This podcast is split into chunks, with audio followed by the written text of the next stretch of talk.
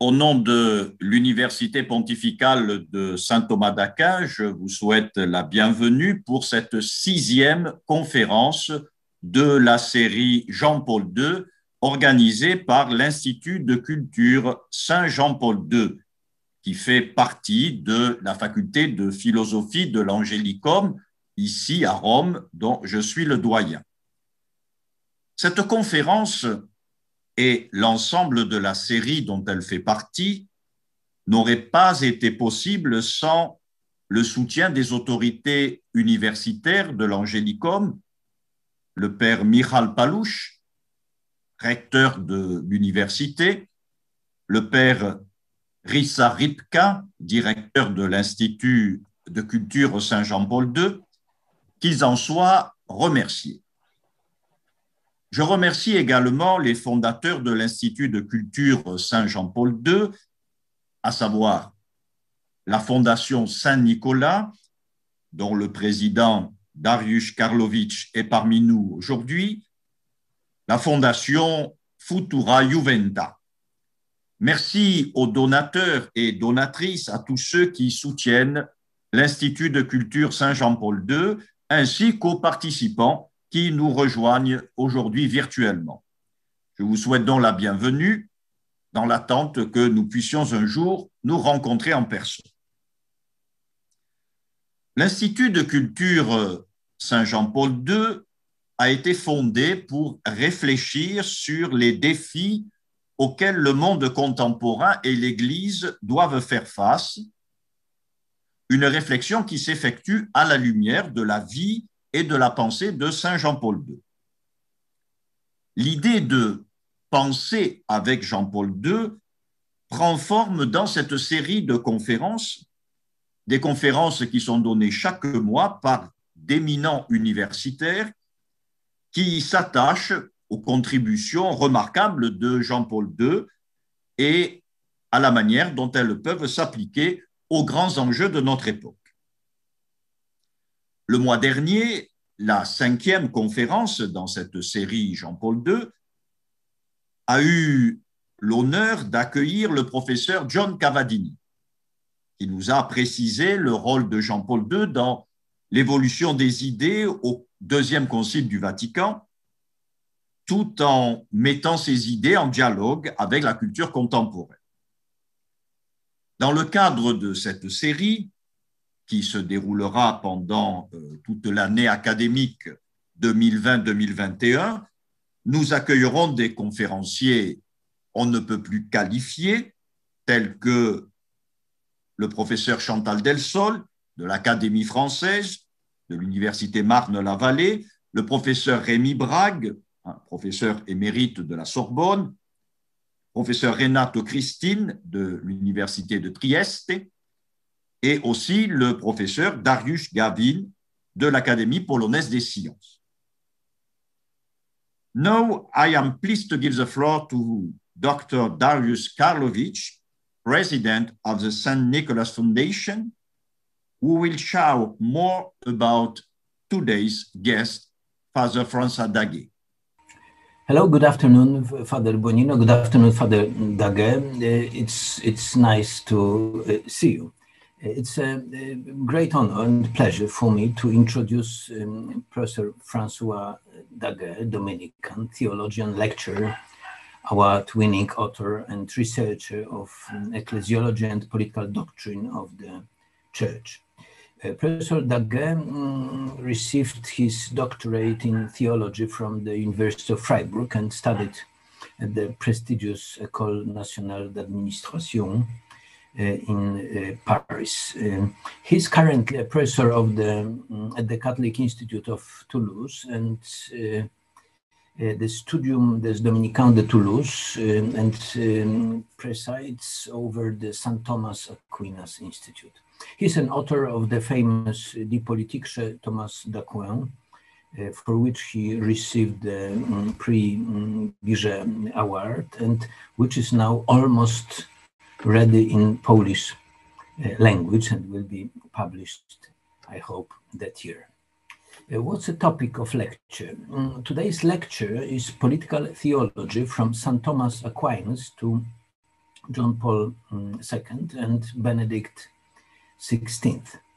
Professor Francois Daguerre will um, present the evolution of the Catholic philosophy of politics as a field closely related to theology and social teachings of the Church.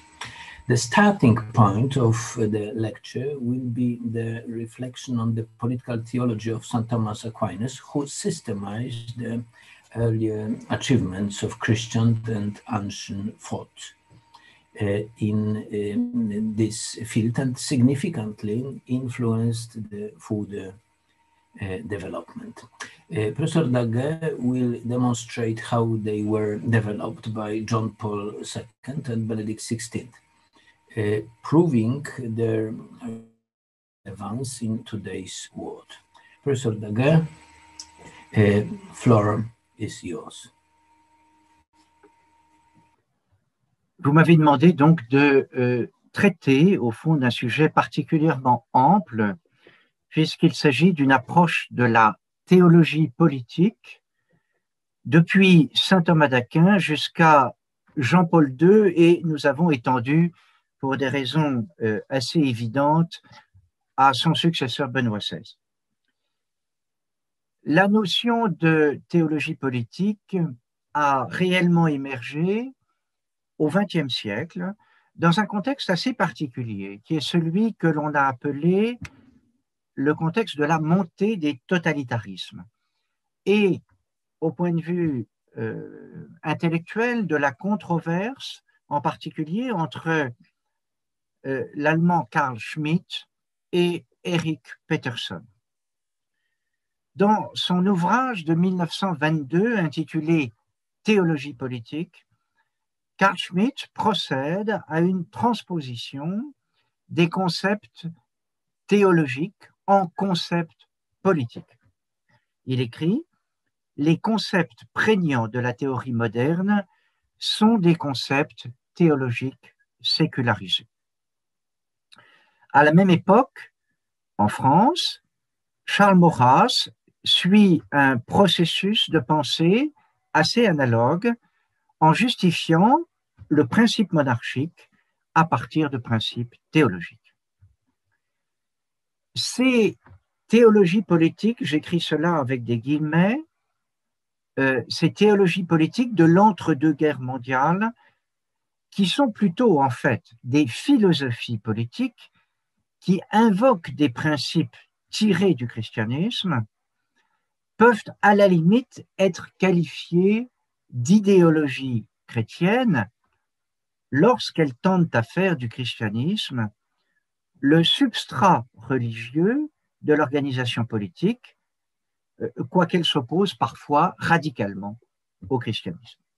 Comme le dit Schmitt, elles sont plutôt, ces pensées, le produit d'une sécularisation de notions théologiques venues du christianisme qui deviennent alors des instruments au service de causes qui sont d'un tout autre ordre, des causes politiques. Eric Peterson, qui est un théologien laïque, qui est passé en 1930 du protestantisme au catholicisme, sans polémiquer directement avec Schmitt, Eric Peterson publie dans les années 30 plusieurs ouvrages qui, sous couvert d'études historiques, visent le nazisme et la collusion de quantité de chrétiens avec le régime nazi. Tous ces ouvrages, au fond, traitent de théologie politique. Et dans l'un d'entre eux, intitulé Le monothéisme un problème politique, Peterson fait allusion en les critiquant aux conceptions politiques de euh, Carl Schmitt, c'est-à-dire sa théologie politique comprise comme une justification d'un ordre politique par des arguments théologiques. Alors dans cette approche qui est très datée, la théologie politique est comprise comme la justification par des convenances théologiques d'un ordre politique donné. C'est donc une perspective très particulière, qui n'est pas en son essence théologique, mais elle est bien plutôt philosophique. Dès lors, le risque est grand de faire sortir le politique, je dirais, de l'ordre profane en en faisant un objet sacré. Et on est bien ici, au fond, dans la ligne identifiée à son époque par Eric Fögelin, Éric Fögelin qui voyait dans la première moitié du XXe siècle la montée des religions politiques. Hein. C'est lui qui a forgé ce concept de religion politique. De fait, les totalitarismes du XXe siècle ont tous cherché, d'une façon ou d'une autre, au fond, à conférer à l'ordre politique un caractère religieux, en quelque sorte, qu'il niait par ailleurs. Alors, ceci est le contexte d'origine. La pensée politique contemporaine hérite ainsi de la notion de théologie politique, mais c'est en un autre sens que l'on entend en traiter ici. Non dans le sens où il s'agirait de tirer des applications politiques de principes théologiques propres au christianisme pour façonner l'ordre commun, mais dans le sens où il s'agit pour la théologie chrétienne de prendre en considération les aspects communautaires de la vie humaine. Et on est là dans une perspective de stricte théologie. Puisque rien de ce qui relève de l'ordre créé n'échappe au champ de la théologie, il est naturel que soit prise en considération la dimension communautaire de l'homme et l'existence de communautés humaines. D'ailleurs, le caractère communautaire du dessein de Dieu justifie à lui seul l'élaboration d'une théologie du politique, c'est-à-dire du commun. Tel est, selon nous, l'unique sens légitime de l'expression même si certains auteurs contemporains ont cherché à l'orienter dans une autre direction. Je pense à Jean-Baptiste Metz, Metz et Jürgen Moltmann en Allemagne, mais je n'y reviendrai pas. Si donc on entend par théologie politique une théologie qui porte sur l'ordre communautaire, sur le fait que les hommes ont vocation à vivre en communautés humaines, il faut reconnaître alors que la théologie politique a mis du temps à émerger dans la tradition de l'Église. Certes, la nature communautaire de la vie humaine et la réalité des communautés humaines n'ont pas échappé au regard avisé des pères de l'Église. Mais il a fallu des siècles pour que l'ordre politique soit appréhendé pour lui-même à la lumière de la révélation les fondements dans le Nouveau Testament, il est vrai, sont peu nombreux. Le lien essentiel est la parole du Christ rapportée par Saint Matthieu, rendez à César ce qui est à César et à Dieu ce qui est à Dieu, parole à laquelle on peut joindre les paroles de Saint Paul invitant à prier pour les responsables politiques. Mais en fait, tout se passe pendant le premier millénaire de l'histoire de l'Église, comme si toute l'attention était donnée à l'édification d'un corps politique nouveau et sui generis, l'Église. Les communautés politiques naturelles ne sont alors regardées que comme le cadre inévitable de cette édification. À l'évidence, avec le recul, le primat est donné à la vie chrétienne au sein de communautés politiques diverses, mais il n'est pas donné à la pensée du politique dans un regard chrétien. Saint Augustin est très révélateur à cet égard. Il est sans doute le premier à considérer dans la cité de Dieu, des Civitate Dei, la rencontre d'une cité de nature divine, qu'on peut regarder dans un regard simplificateur comme étant ici-bas l'Église, la rencontre d'une cité de nature divine, donc, et des cités terrestres. Mais son traité, et son titre en particulier, de la cité de Dieu, sont source d'une équivoque remarquable promise à une longue postérité. Car la civitas terrena, qui s'oppose à la civitas dei, n'est pas la cité politique. C'est la cité spirituelle par laquelle l'homme s'oppose à l'œuvre divine.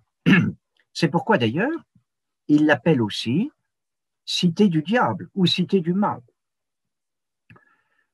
On comprend, si l'on n'y prend pas garde, que beaucoup est spontanément opposé la civitas terrena, la cité terrestre, comprise comme cité politique, à l'Église, comprise comme cité de Dieu.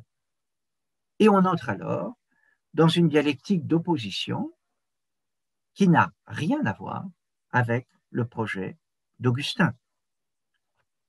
Pour lui, pour Augustin, le combat entre les deux cités est spirituel et c'est cela qui lui importe. Ce combat spirituel se déroule au sein d'une cité politique, quelle que soit sa forme et sa figure, mais qui n'est pas pensée pour elle-même. Par un paradoxe qui n'est sans doute pas assez souligné, la cité de Dieu de Saint Augustin se caractérise par une absence de théologie politique au sens d'une pensée théologique de l'ordre politique. Et cette absence est très significative dans un, dans un traité qui aurait pu être l'occasion d'une telle approche. Elle témoigne d'une pensée théologique qui n'est pas encore prête à traiter de la chose politique et peut-être, pour une part, parce qu'elle n'en a pas les moyens. En effet, l'instrument philosophique pour penser la cité politique, pour elle-même, fait défaut chez Saint Augustin, et cela ne fait qu'accentuer le contraste avec l'apport, plus tard, de Saint Thomas d'Aquin. Mais avant d'en arriver à l'essor de la pensée politique au Moyen Âge, avec Thomas d'Aquin, s'écoulent de longs siècles de chrétienté, où ce sont en fait les enjeux pratiques qui priment dans les relations entre l'Église et les cités terrestres. On entend ici par chrétienté un modèle de coopération étroite des pouvoirs qui repose sur l'argument que l'autorité civile, le prince, doit coopérer à l'édification du royaume de Dieu ici-bas, ce royaume dont la garde appartient au pape. Ce contexte de chrétienté, spécialement à partir de la réforme grégorienne au XIIe siècle, favorise l'établissement d'une doctrine assez commune qu'un français du XXe siècle, monseigneur Arquillère a appelé augustinisme politique. Elle repose, cette doctrine non écrite, sur le fait que la loi divine a bien souvent tendu à s'imposer, voire à se substituer à la loi naturelle qui doit gouverner l'ordre temporel. La loi divine, ou prétendue telle, est revêtue d'une telle autorité de par son origine qu'on ne voit pas comment une loi humaine pourrait ne pas s'y soumettre. Parler d'augustinisme politique est probablement excessif si l'on entend par là que la théologie de Saint Augustin en est la source lointaine. Mais la formule touche juste si l'on considère certaines pratiques de l'Église au regard de l'ordre temporel. À partir de Grégoire VII, les papes, nous le savons, ne se contentent pas d'excommunier les souverains récalcitrants, à commencer par l'empereur, ils entendent encore les déposer, ce qui signifie une immixtion directe de la juridiction ecclésiastique dans l'ordre temporel. Tout cela témoigne d'une pensée théologique qui est incapable, au fond, d'honorer la légitimité de l'ordre temporel, et cela met en valeur, pour le coup, l'apport de saint Thomas d'Aquin. Alors, évoquons ici l'apport décisif de Thomas d'Aquin sur cette question. À une époque où les sociétés humaines, pardon, où les sociétés, oui, de chrétienté se transforment dans le sens d'un développement des activités séculières, dans un contexte théologique et spirituel qui, je viens de le dire, tend à résorber l'ordre naturel en quelque sorte dans le surnaturel, Saint Thomas apporte, pour la première fois en chrétienté, une pensée du politique fondée sur la raison naturelle. Il n'est pas excessif de dire que dans ce domaine, comme dans d'autres, Thomas d'Aquin témoigne d'une extraordinaire confiance en la raison naturelle, parce qu'elle vient de Dieu, parce qu'elle est, dirait-on en vocabulaire contemporain, l'image privilégiée que Dieu dépose de lui en l'homme. Alors, la cause pratique, presque matérielle, de cette irruption d'une pensée du politique au XIIIe siècle est la redécouverte de la politique d'Aristote, traduite en latin par Guillaume de Morbec et aussitôt diffusée dans les lieux d'études théologiques de la chrétienté latine. L'assimilation et l'adhésion de saint Thomas à l'essentiel de la politique aristotélicienne est manifeste tout au long de la rédaction de la deuxième partie de la somme de théologie, que l'on qualifie ordinairement de morale. Avec la politique aristotélicienne, saint Thomas dispose de l'instrument philosophique qui faisait défaut chez saint Augustin et qui lui permet de penser l'ordre politique pour lui-même dans la lumière de la révélation chrétienne. Au regard de la pensée dominante à son époque, empreinte de cet augustinisme politique que l'on vient d'évoquer, l'irruption d'une pensée morale et politique fondée en nature, mais ouverte à l'œuvre de la grâce, introduit un bouleversement dans la façon de penser l'ordre communautaire.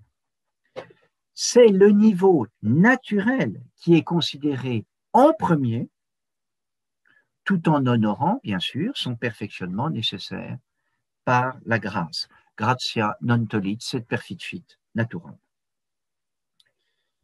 Alors, comment caractériser en quelques mots l'approche théologique du politique par Thomas d'Aquin? Nous en dégageons ici, pour simplifier, deux principes fondamentaux. Premier principe, l'ordre politique est finalisé par un bien moral, lui-même ordonné au bien divin. Thomas partage les fermes conceptions d'Aristote. La vie en commun, comprise au niveau naturel, est ordonnée un bien de nature morale qui finalise toute la vie de la cité, la vie de tous en commun et de chacun en particulier. Pour le dire simplement, c'est la quête d'un bonheur qui anime la cité. Il y a un bonheur politique et il est même l'accomplissement du bonheur singulier. Voilà pourquoi d'ailleurs la cité politique est reconnue avec la famille comme étant une communauté naturelle et même pour la cité comme étant la communauté naturelle parfaite. Alors ce que saint Thomas nomme, sans le définir, le bien commun, le bonum commune, ce qu'Aristote appelait tout simplement le bien, sans le qualifier, c'est, pour tous deux, ce que l'on atteint en cherchant, à vivre, chacun et tous ensemble, la vie selon les vertus. Alors il y a bien entendu hein, le niveau premier des biens essentiels à la vie en commun. La paix, la prospérité, les richesses, la culture, etc. Ces biens permettent de vivre, selon la terminologie d'Aristote. Mais ils ne suffisent pas à finaliser l'ordre politique. Ils sont eux-mêmes en vue du bien vivre, le zen hein, d'Aristote, c'est-à-dire de la vie morale selon la vertu, partagée par la plupart des citoyens. Et c'est de cette quête commune dans la vie selon la vertu pratiquée en commun que naît l'amitié entre les citoyens? Il y a donc pour ces auteurs un bonheur à bien vivre ensemble. Et c'est cela qu'il s'agit de rechercher, d'édifier et de recevoir tout à la fois. Il faut le souligner, ce bonheur commun est à la fois dans la cité et comme un au-delà de la cité, parce qu'on tend vers lui. Pour saint Thomas, comme pour Aristote avant lui, l'ordre politique n'est donc pas un simple conditionnement de l'ordre particulier dont traiterait la morale individuelle. Il est plutôt l'accomplissement de tout l'édifice moral.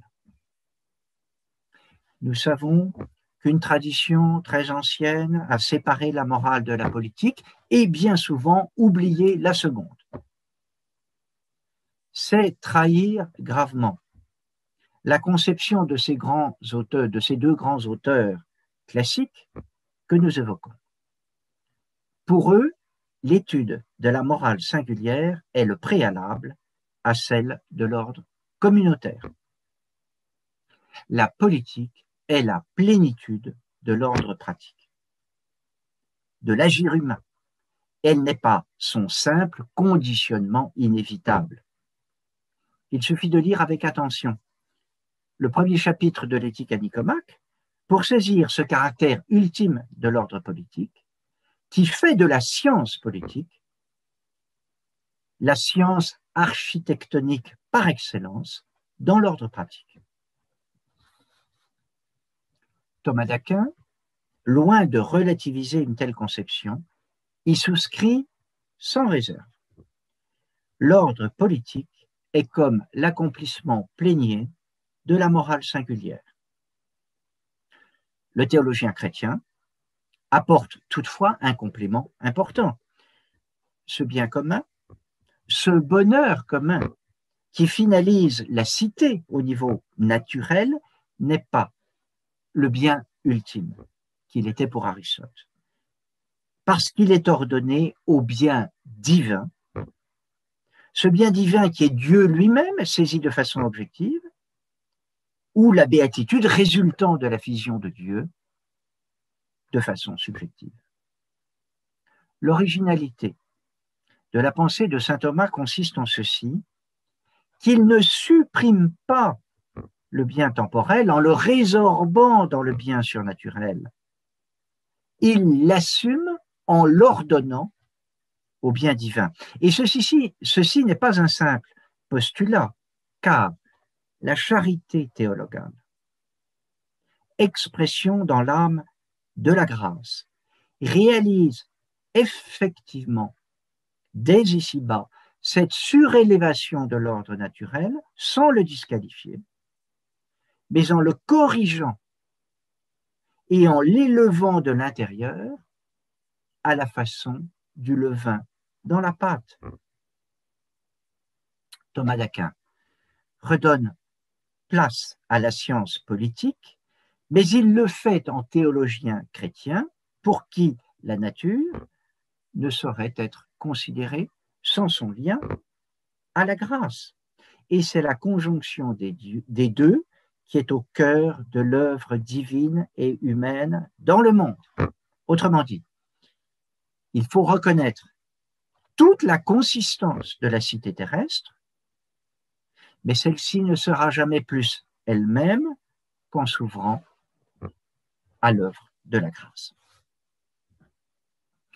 Deuxième principe, pour résumer, de la pensée de saint Thomas. L'Église et la cité terrestre, sur des plans différents, ont vocation à coopérer. L'augustinisme politique aboutissait à résorber l'ordre naturel dans le surnaturel et ne cherchait pas pour cette raison, et par défaut de moyens conceptuels, je l'ai suggéré, à considérer la cité terrestre pour elle-même. Le père Congar, au siècle dernier, a mis en évidence combien, au Moyen Âge, la notion d'ecclésia, à partir de la réforme grégorienne, englobe à la fois l'Église, société hiérarchiquement constituée, et les souverainetés temporelles. Eh bien, face à cela, tout en étant un théologien de chrétienté, Thomas d'Aquin procède avec l'instrument aristotélicien à une double novation. D'une part, je viens de le dire, il pense la cité temporelle pour elle-même, et d'autre part, il précise plus ou moins explicitement le rapport de l'Église à la société temporelle. Il ne situe aucunement l'Église et la cité terrestre sur le même plan, mais selon la conception qui sera celle de Vatican II, il regarde l'Église comme un ferment théologal au sein des sociétés temporelles par nature. Et de là découle sa conception de la relation des deux pouvoirs, temporel et spirituel. Saint Thomas reconnaît l'autonomie la plus grande au pouvoir temporel, l'autorité ecclésiale n'intervenant dans les affaires de la cité que lorsque le salut des âmes est engagé. En langage contemporain, on dirait que la doctrine thomasienne est une doctrine de laïcité, j'y reviendrai, qui affirme l'autonomie du, pouvoir temporel par rapport à la sphère ecclésiastique. Il faut ajouter que ce libre exercice du pouvoir temporel, sur le fondement de la loi naturelle, a vocation à bénéficier du soutien de la grâce qui perfectionne l'ordre naturel, tout en le corrigeant de ce qu'il peut avoir de dévier. Nous avons proposé de présenter l'approche de Thomas en qualifiant sa doctrine de chalcédonienne, pour exprimer l'union sans confusion ni séparation qui a vocation à prévaloir entre l'ordre naturel et l'ordre surnaturel. Pour un théologien de chrétienté, une pure séparation des deux ordres est impensable. Et elle le sera jusqu'à la Révolution française, et ce qu'elle engage, qui met fin au temps de chrétienté politique. La théologie du politique de Thomas d'Aquin nous rappelle que l'ordre naturel, livré à ses seules forces, ne peut atteindre ce pourquoi il est fait sans le secours divin, et qu'il ne saurait épuiser la vocation des communautés humaines qui demeurent ultimement ordonnées à un bien surnaturel qu'elles ne peuvent produire par elles-mêmes. Mais cette théologie de Thomas souligne corrélativement que la vie en commun, c'est d'abord la vie de la cité politique. Ce n'est pas d'abord la vie de l'Église. Celle-ci, la vie de l'Église, est le ferment intérieur de celle-là, la vie de la cité politique. Pour la première fois en chrétienté, la théologie de Thomas d'Aquin permet de penser le politique pour lui-même dans sa corrélation à l'ordre théologal. Le magistral traité de la loi dans la somme de théologie illustre la conception d'ensemble de Thomas, qui fait place à la nature en toute sa consistance, et spécialement avec sa doctrine si élaborée de la loi naturelle, et fait place au concours divin par la loi divine. On mesure par là, comme je le suggérais précédemment, le renversement opéré par Thomas par rapport aux, conceptions augustinistes marquées par le primat de l'ordre surnaturel, parfois jusqu'à l'exclusive.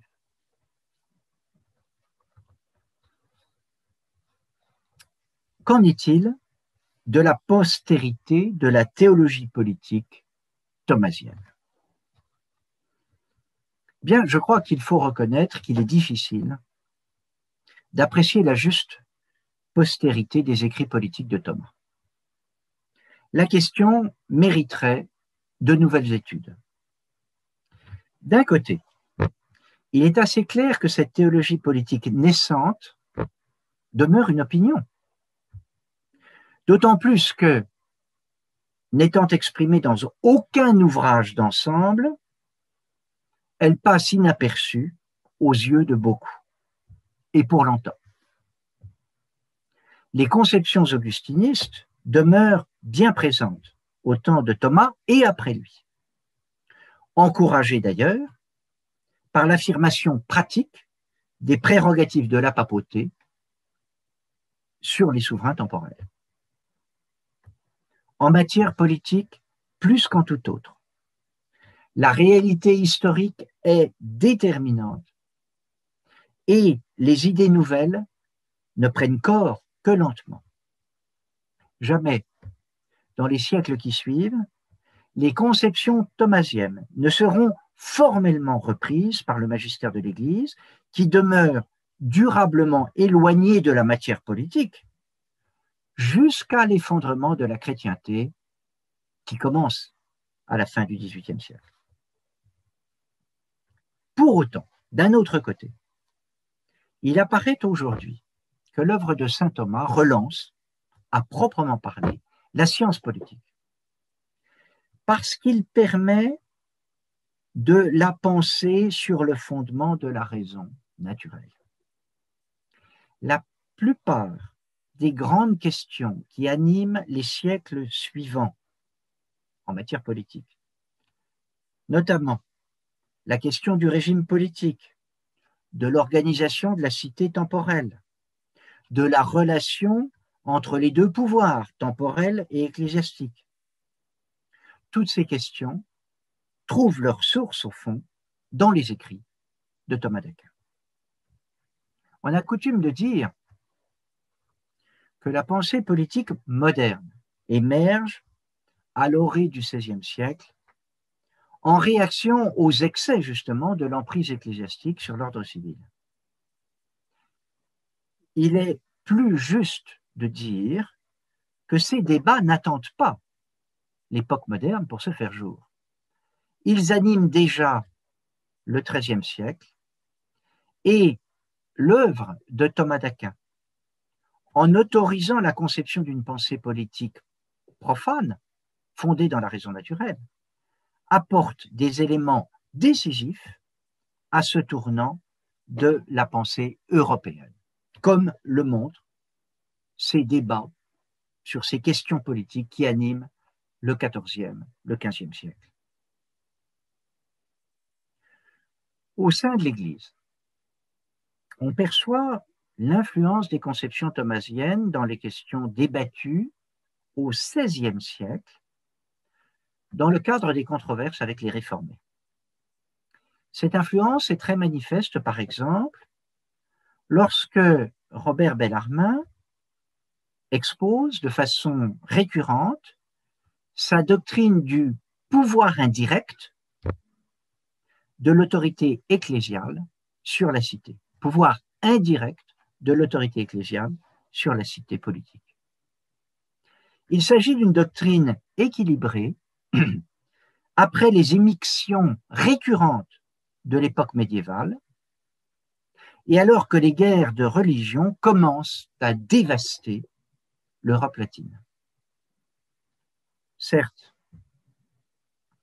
la portée réelle de ce pouvoir spirituel exercé directement, indirectement, pardon, in temporalibus, dans les affaires temporelles, la portée réelle de ce pouvoir est susceptible d'interprétations diverses. Mais il est clair que le docteur jésuite, Robert Bellarmin, reprend à son compte la conception de Thomas selon laquelle ce pouvoir indirect n'a vocation à jouer que lorsque le salut des âmes est immédiatement en cause. On peut sans doute considérer que la conception thomasienne de la relation entre les deux cités est progressivement devenue, sinon une opinion dominante, du moins une référence commune présente à tous les esprits. Dans le même sens et à la même époque, il est clair que le développement de l'école de Salamanque repose sur la renaissance de la légitimité de l'ordre humain naturel et communautaire. Francisco de Vitoria contribue fortement à faire connaître les œuvres de Thomas d'Aquin et par là à en diffuser les conceptions dans l'Europe entière en un temps où les activités humaines connaissent un déploiement exceptionnel, engageant l'économie, le droit interne et le droit international naissant, autant que le statut juridique des personnes. En définitive, il serait, me semble-t-il, juste de parler d'une fécondité générale et diffuse de la théologie politique de Thomas, plus que d'une postérité formelle et immédiate. Alors on pourrait penser que l'effondrement du régime de chrétienté en Europe à partir de la fin du XVIIIe siècle allait disqualifier définitivement les conceptions de ce docteur de chrétienté qu'est Thomas d'Aquin. Paradoxalement, c'est le contraire qui va se produire. En effet, la Révolution française et la fin du régime de chrétienté qu'elle inaugure laissent désemparer la doctrine catholique, aussi bien celle du magistère pontifical que celle des théologiens.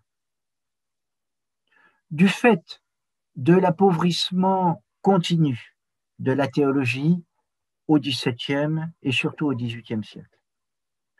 L'Église découvre au début du XIXe qu'elle ne dispose d'aucun instrument conceptuel utile et immédiat pour penser la situation nouvelle. Et cette situation nouvelle repose sur le fait que les sociétés temporelles entendent désormais s'édifier sur des bases profanes. Le mouvement sera lent, mais on peut considérer qu'il est achevé à la fin du XXe siècle. Et dans l'Église, il faut attendre le pontificat de Léon XIII pour que l'Église prenne acte du changement désormais irréversible et pour qu'elle abandonne son souhait d'un retour au statu quo ante, c'est-à-dire au régime de chrétienté sacrale. Il faut donc penser à nouveau frais la réalité des communautés politiques sans postuler d'emblée leur soumission à l'ordre surnaturel. On redécouvre alors, dans la théologie de Thomas, qui donne toute sa place à l'ordre naturel, un instrument utile pour traiter du politique dans le cadre nouveau des sociétés libérales contemporaines. Alors j'évoque maintenant rapidement le renouveau de la théologie politique au XXe siècle. Si les emprunts aux écrits thomasiens sont multiples dans le magistère pontifical à partir de Léon XIII, on est encore loin de l'élaboration d'une doctrine d'ensemble du politique. C'est par touche la pensée thomasienne est sollicitée à propos de la liberté de choix des régimes politiques, du fondement de l'édifice législatif sur la loi naturelle, de la nécessaire ouverture des, des ordres politiques à la transcendance, etc. À la vérité, rares sont les auteurs qui cherchent à penser le nouvel ordre politique dans son ensemble et à la lumière de la révélation. L'un des seuls à le faire c'est le philosophe français Jacques Maritain, soutenu par son ami l'abbé Charles Journet. Prenant acte de la fin de ce qu'il nomme la chrétienté sacrale, Maritain cherche à penser un ordre politique conforme à la révélation, qui fasse pièce aussi bien aux religions politiques de type national-socialiste ou socialiste marxiste, qu'au libéralisme bourgeois. C'est son vocabulaire. L'un des fondements de la conception maritainienne du politique demeure le postulat de la subordination ontologique des deux cités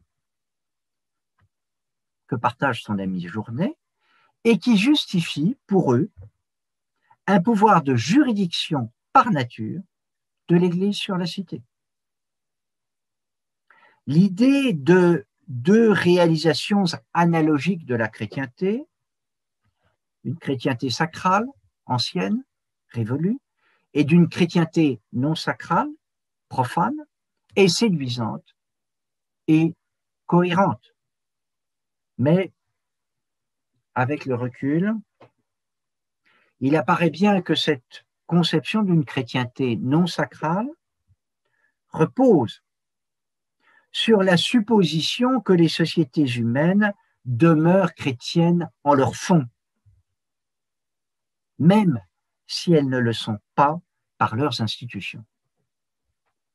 C'était encore le cas des États-Unis où vivait Jacques Maritain au milieu du siècle dernier, alors qu'il réfléchissait justement sur la possibilité d'une chrétienté nouvelle. Je crois qu'on ne saurait le dire aujourd'hui en quelque endroit du monde. Et le projet politique maritannien, pour séduisant qu'il fut, nous apparaît aujourd'hui inopérant. Alors le Concile Vatican II est, sans surprise, un jalon essentiel dans la prise en compte des facteurs politiques, réflexion de l'Église la Constitution Gaudium et Spes énonçait le rôle que Karol Wojtyla y a eu. La Constitution Gaudium et Spes traite explicitement de la communauté politique et affirme que, je cite, Parmi les liens sociaux nécessaires à l'essor de l'homme, certains comme la famille et la communauté politique correspondent plus immédiatement à sa nature intime. C'est un écho à la doctrine thomasienne des communautés politiques naturelles que sont, pour lui, la famille et la cité. Pour autant, la chose a été relevée souvent, le Concile n'offre pas une doctrine catholique du politique pris dans sa globalité. Il apporte, cependant, quelques pierres de fondation pour un édifice futur. On peut résumer l'apport conciliaire en disant qu'il pose les bases d'une conception catholique de la laïcité. Le terme ne figure pas dans le texte conciliaire, mais il sera repris explicitement par Jean-Paul II et par Joseph Ratzinger, puis Benoît XVI, bien sûr, 40 ans plus tard. Cette conception que je dis conception catholique de la laïcité repose sur les deux principes suivants.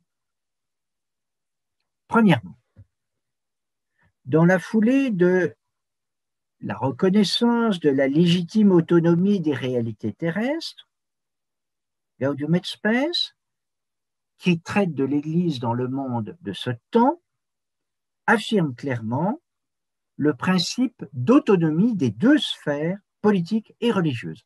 Je cite le numéro 76, paragraphe 3. Sur le terrain qui est le leur, qui leur est propre, la communauté politique et l'Église sont indépendantes l'une de l'autre et autonomes. Mais toutes deux, quoiqu'à des titres divers, sont au service de la vocation personnelle et sociale des mêmes hommes.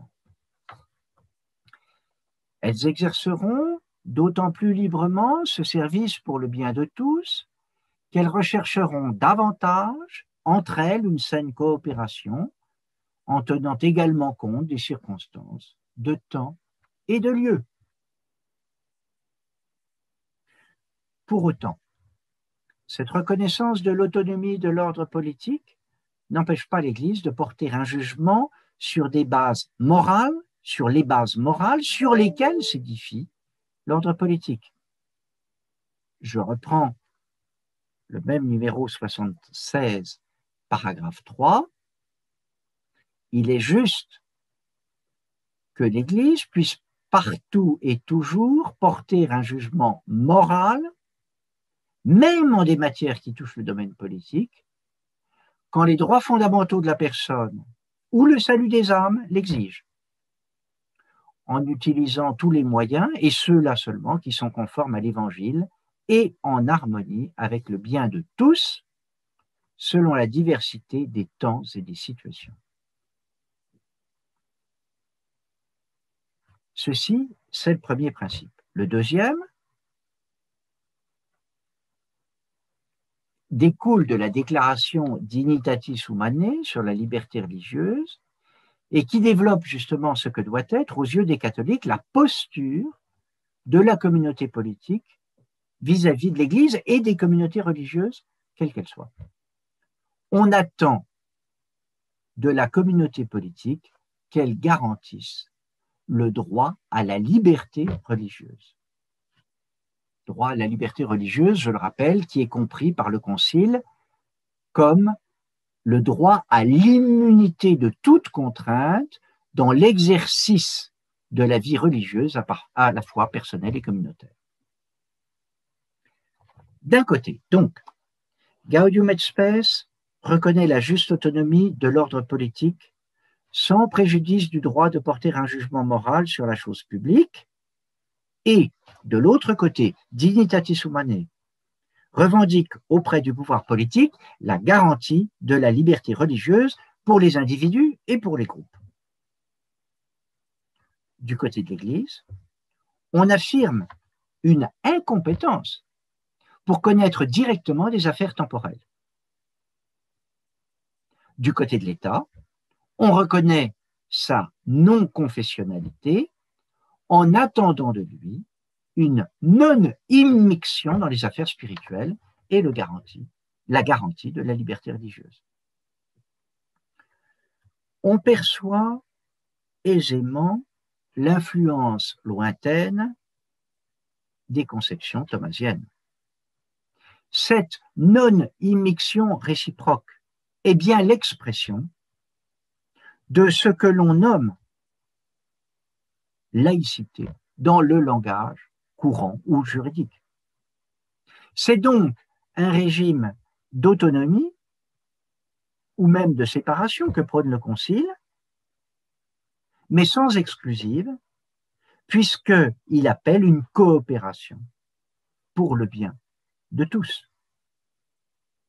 On peut parler avec Vatican II d'une séparation-distinction qui n'est pas une séparation indifférence ou ignorance.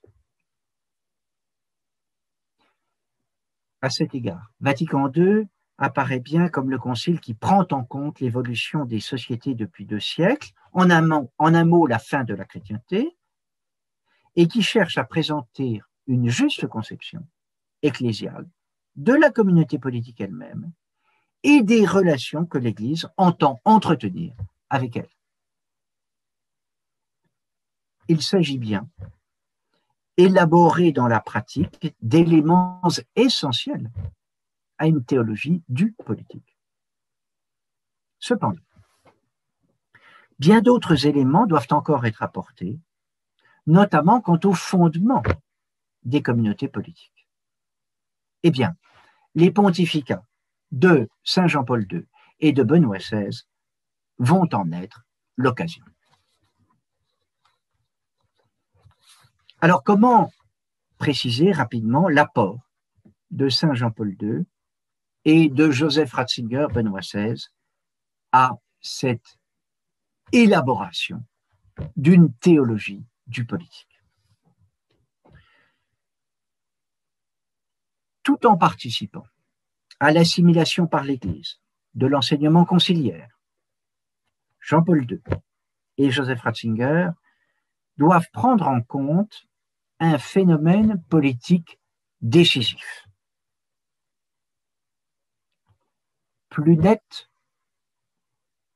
20 ou 30 ans après le Concile qu'au moment du Concile.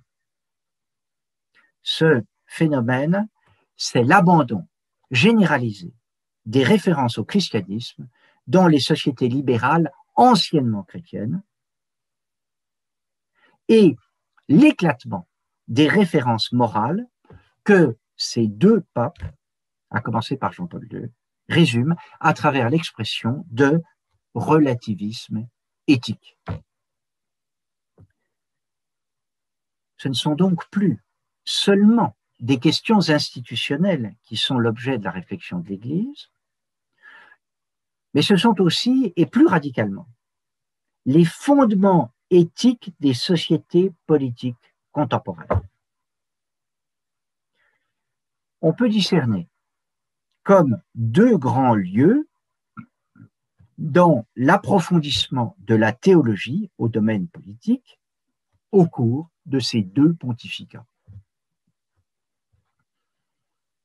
Et ceci à initiative d'abord hein, de Jean-Paul II. Premier lieu, la remise en valeur de la doctrine traditionnelle de la loi naturelle. On sait à quel type de mécompréhension cette doctrine vénérable, qui doit tant à saint Thomas, a été sujette. Et c'est ce qui explique qu'elle n'apparaisse pas expressis verbis dans les textes conciliaires, même si son contenu y est bien présent réellement.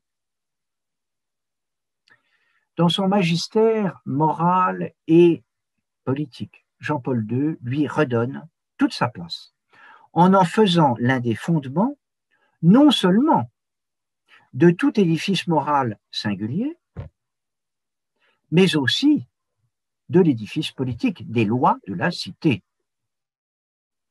L'encyclique Veritatis Splendor de 1993 réaffirme la nécessité d'une morale qui allie liberté et vérité par la médiation justement de la loi naturelle.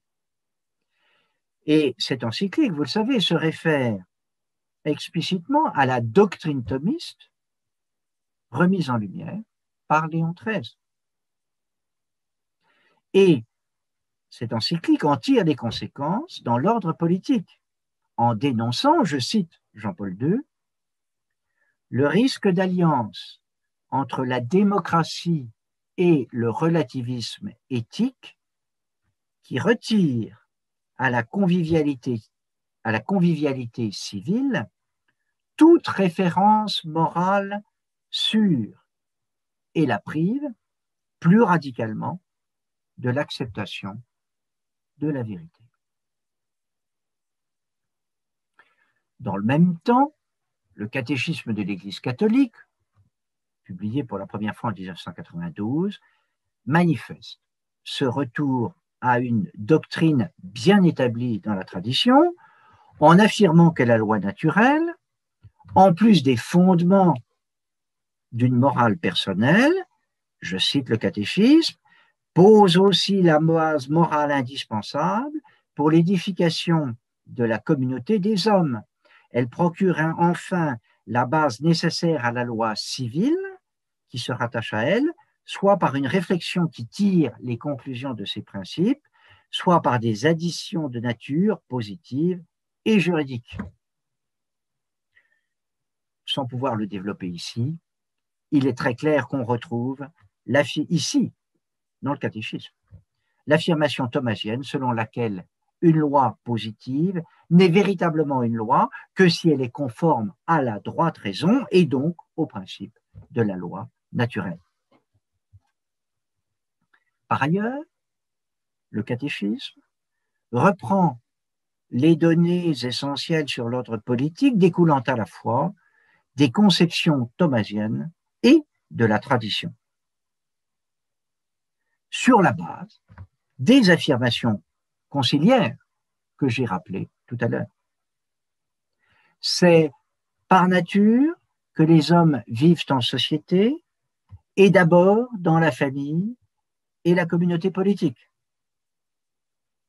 On assiste également à une mise en lumière de la finalité éthique de la vie en commun à travers la notion de bien commun qui doit tendre à saint Thomas. On réaffirme enfin, dans le catéchisme toujours, la nécessaire ouverture de l'ordre politique aux réalités spirituelles et la nécessité de la grâce pour une vie en société qui se détourne vraiment du mal et de la violence.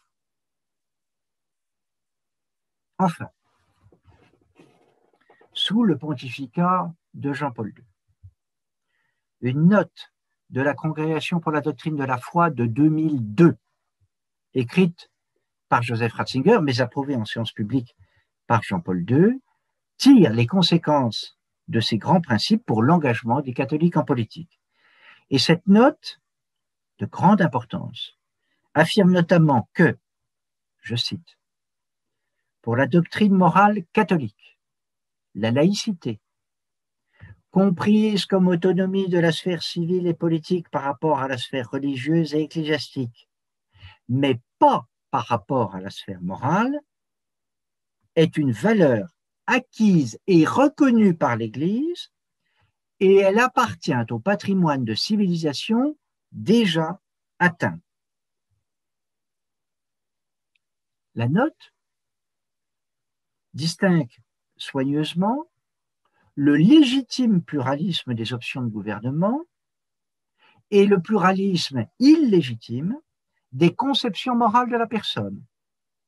Je cite, La liberté politique n'est pas fondée et ne peut l'être sur l'idée relativiste selon laquelle toutes les conceptions du bien de l'homme ont la même vérité et la même valeur. Si l'on veut bien y prêter attention, les grands principes de la théologie politique de saint Thomas sont devenus ceux de l'Église à travers le magistère de Jean-Paul II et de Joseph Ratzinger, Benoît XVI. Deuxième apport, justement. L'appel de la part de ces deux souverains pontifs à un ordre politique fondé sur la raison naturelle et ouvert à l'ordre surnaturel. Devenu le pape Benoît XVI, Joseph Ratzinger poursuit la réflexion sur l'ordre politique dans ses encycliques, mais aussi lors de discours prononcés dans les grandes démocraties libérales, aux États-Unis, en Grande-Bretagne et en République fédérale d'Allemagne. Approfondissant l'enseignement conciliaire sur la séparation des sphères politiques et religieuses, Benoît XVI la justifie par la distinction des objets propres à chacune.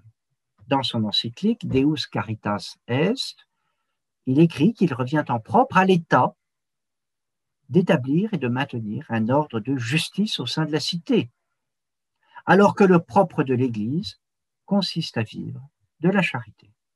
Il n'hésite pas à affirmer la distinction entre ce qui est à César et ce qui est à Dieu, à savoir la distinction entre l'État et l'Église, ou comme le dit le Concile Vatican II, l'autonomie des réalités terrestres, appartient à la structure fondamentale du christianisme.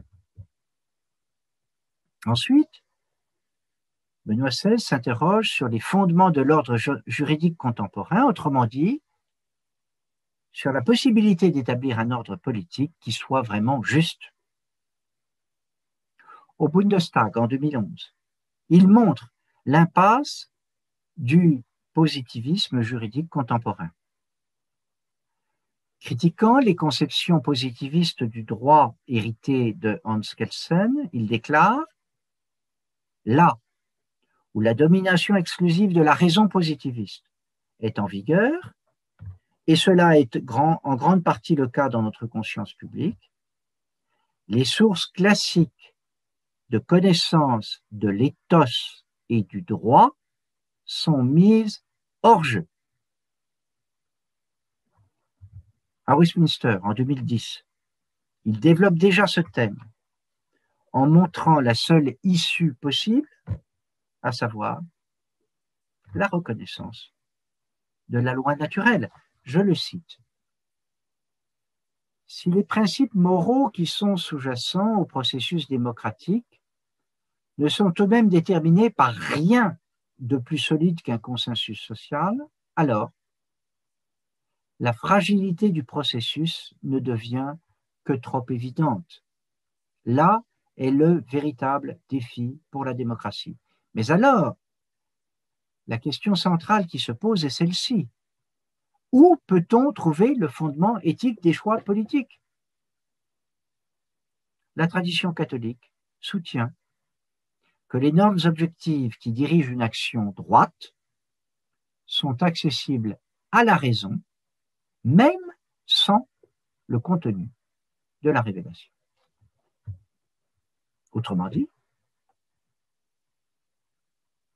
Benoît XVI se réfère ici à la doctrine de la loi civile appuyée sur les principes de la loi naturelle, doctrine que Thomas d'Aquin a magistralement développée. Enfin, comme en 2002, Benoît XVI rappelle la nécessaire coopération des sphères politiques et religieuses. En effet, aucun ordre de justice ne saurait se suffire à lui-même. Il appelle nécessairement un dépassement par la charité. La charité, la caritas, sera toujours nécessaire, même dans la société la plus juste, écrit-il dans Deus Caritas Est. Il n'y a aucun ordre juste de l'État qui puisse rendre superflu le service de la charité. Il pousse loin sa réflexion en suggérant que chacune des sphères, celle de la raison et celle de la foi, contribue à la perfection de l'autre en la purifiant des corruptions qui l'affectent ou la menacent.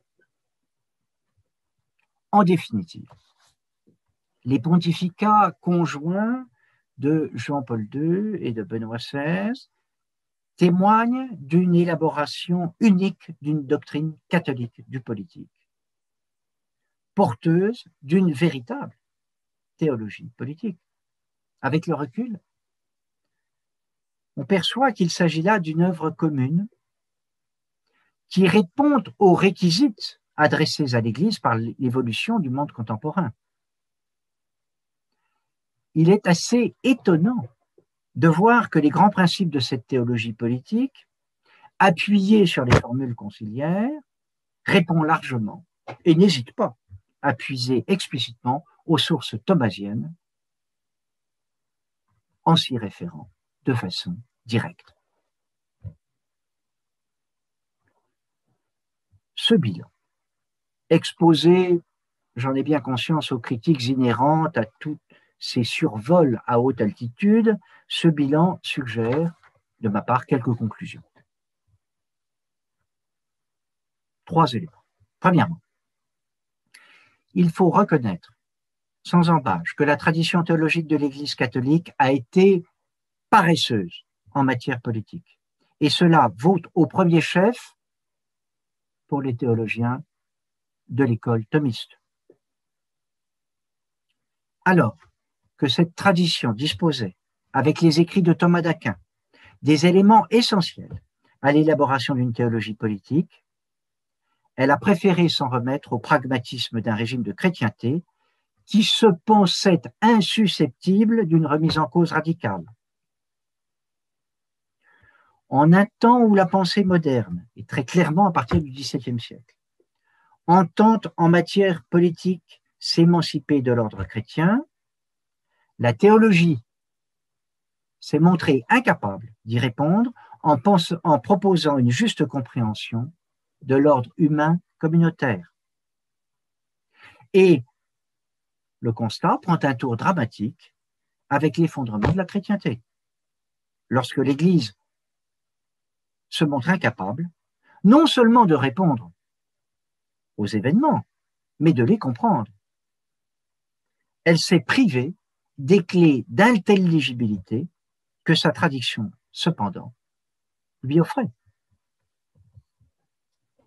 Les conséquences d'une telle indigence dévoilent leur ampleur au cours des 19e et 20e siècles. En effet, au projet politique de transformation du monde humain qui occupe la scène de la vie commune.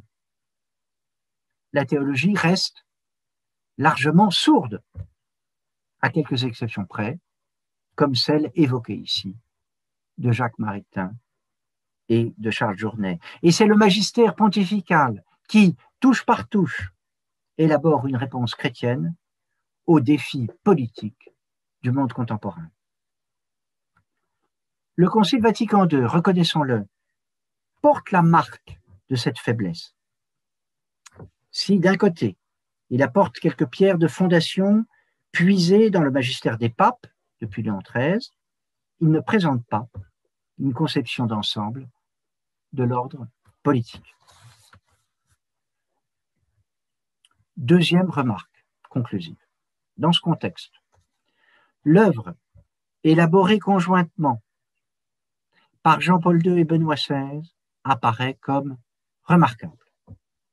Elle est la première ébauche d'une véritable théologie du politique, œuvre de deux esprits particulièrement sensibles à la res publica. Pour autant, cette œuvre demeure largement méconnue pour au moins deux raisons. D'une part, elle demeure dispersée dans de multiples textes, ce qui fait que l'ensemble n'est guère perceptible aux yeux des fidèles.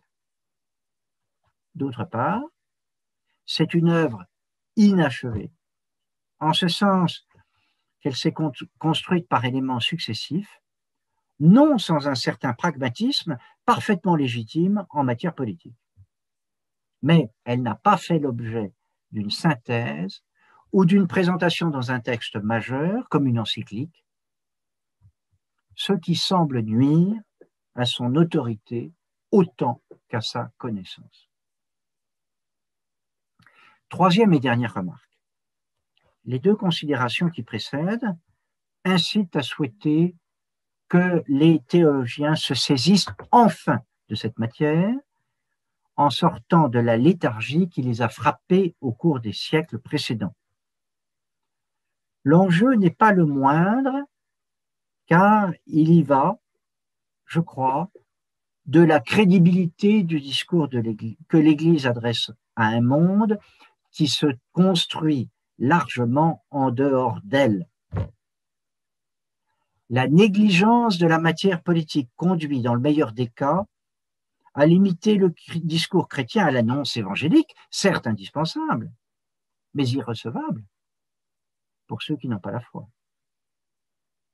Cette négligence aboutit parfois à n'apporter qu'une réponse théologale aux questions politiques immédiates, comme on le voit par exemple dans le mouvement radical orthodoxie. C'est en fait céder à nouveau à la tentation d'un augustinisme politique, plus pratique d'ailleurs que conceptuel, mais insuffisant. Aujourd'hui, plus encore qu'hier, à répondre aux questions politiques contemporaines. C'est pourquoi je pense qu'il est grand temps de redécouvrir le thomisme politique. Je vous remercie. Well, thank you, thank you very much for that uh, profound, interesting, and uh, inspiring uh, lecture with so big panorama of, um, political thought.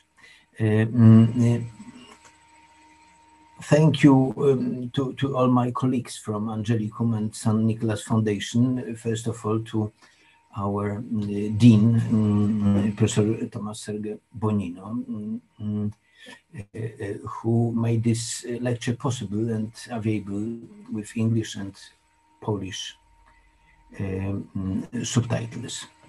Uh, let me welcome you at the same time for the next lecture from the JP2 uh, lecture series, uh, which will be titled The End of Christendom um, by Chantal Delsol, which will take place on April 15th. Thank you again very much. I hope we see soon.